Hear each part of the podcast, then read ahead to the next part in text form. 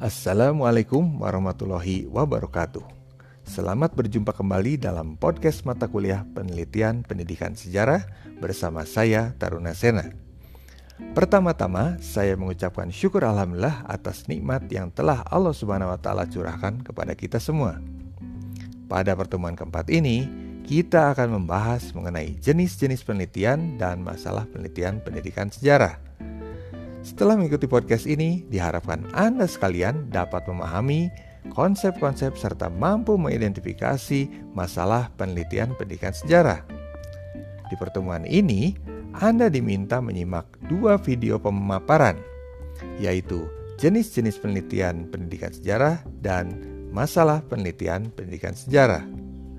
Setelah menyimak dua video tersebut, Anda diminta mencari dan mempelajari tiga laporan penelitian bisa skripsi, tesis, disertasi, ataupun artikel jurnal, sesuai dengan jenis penelitian kelompok masing-masing.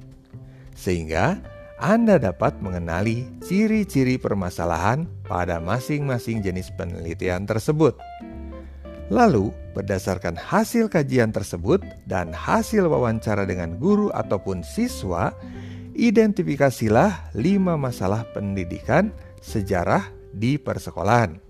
Tentu saja sesuai dengan jenis penelitian kelompok masing-masing.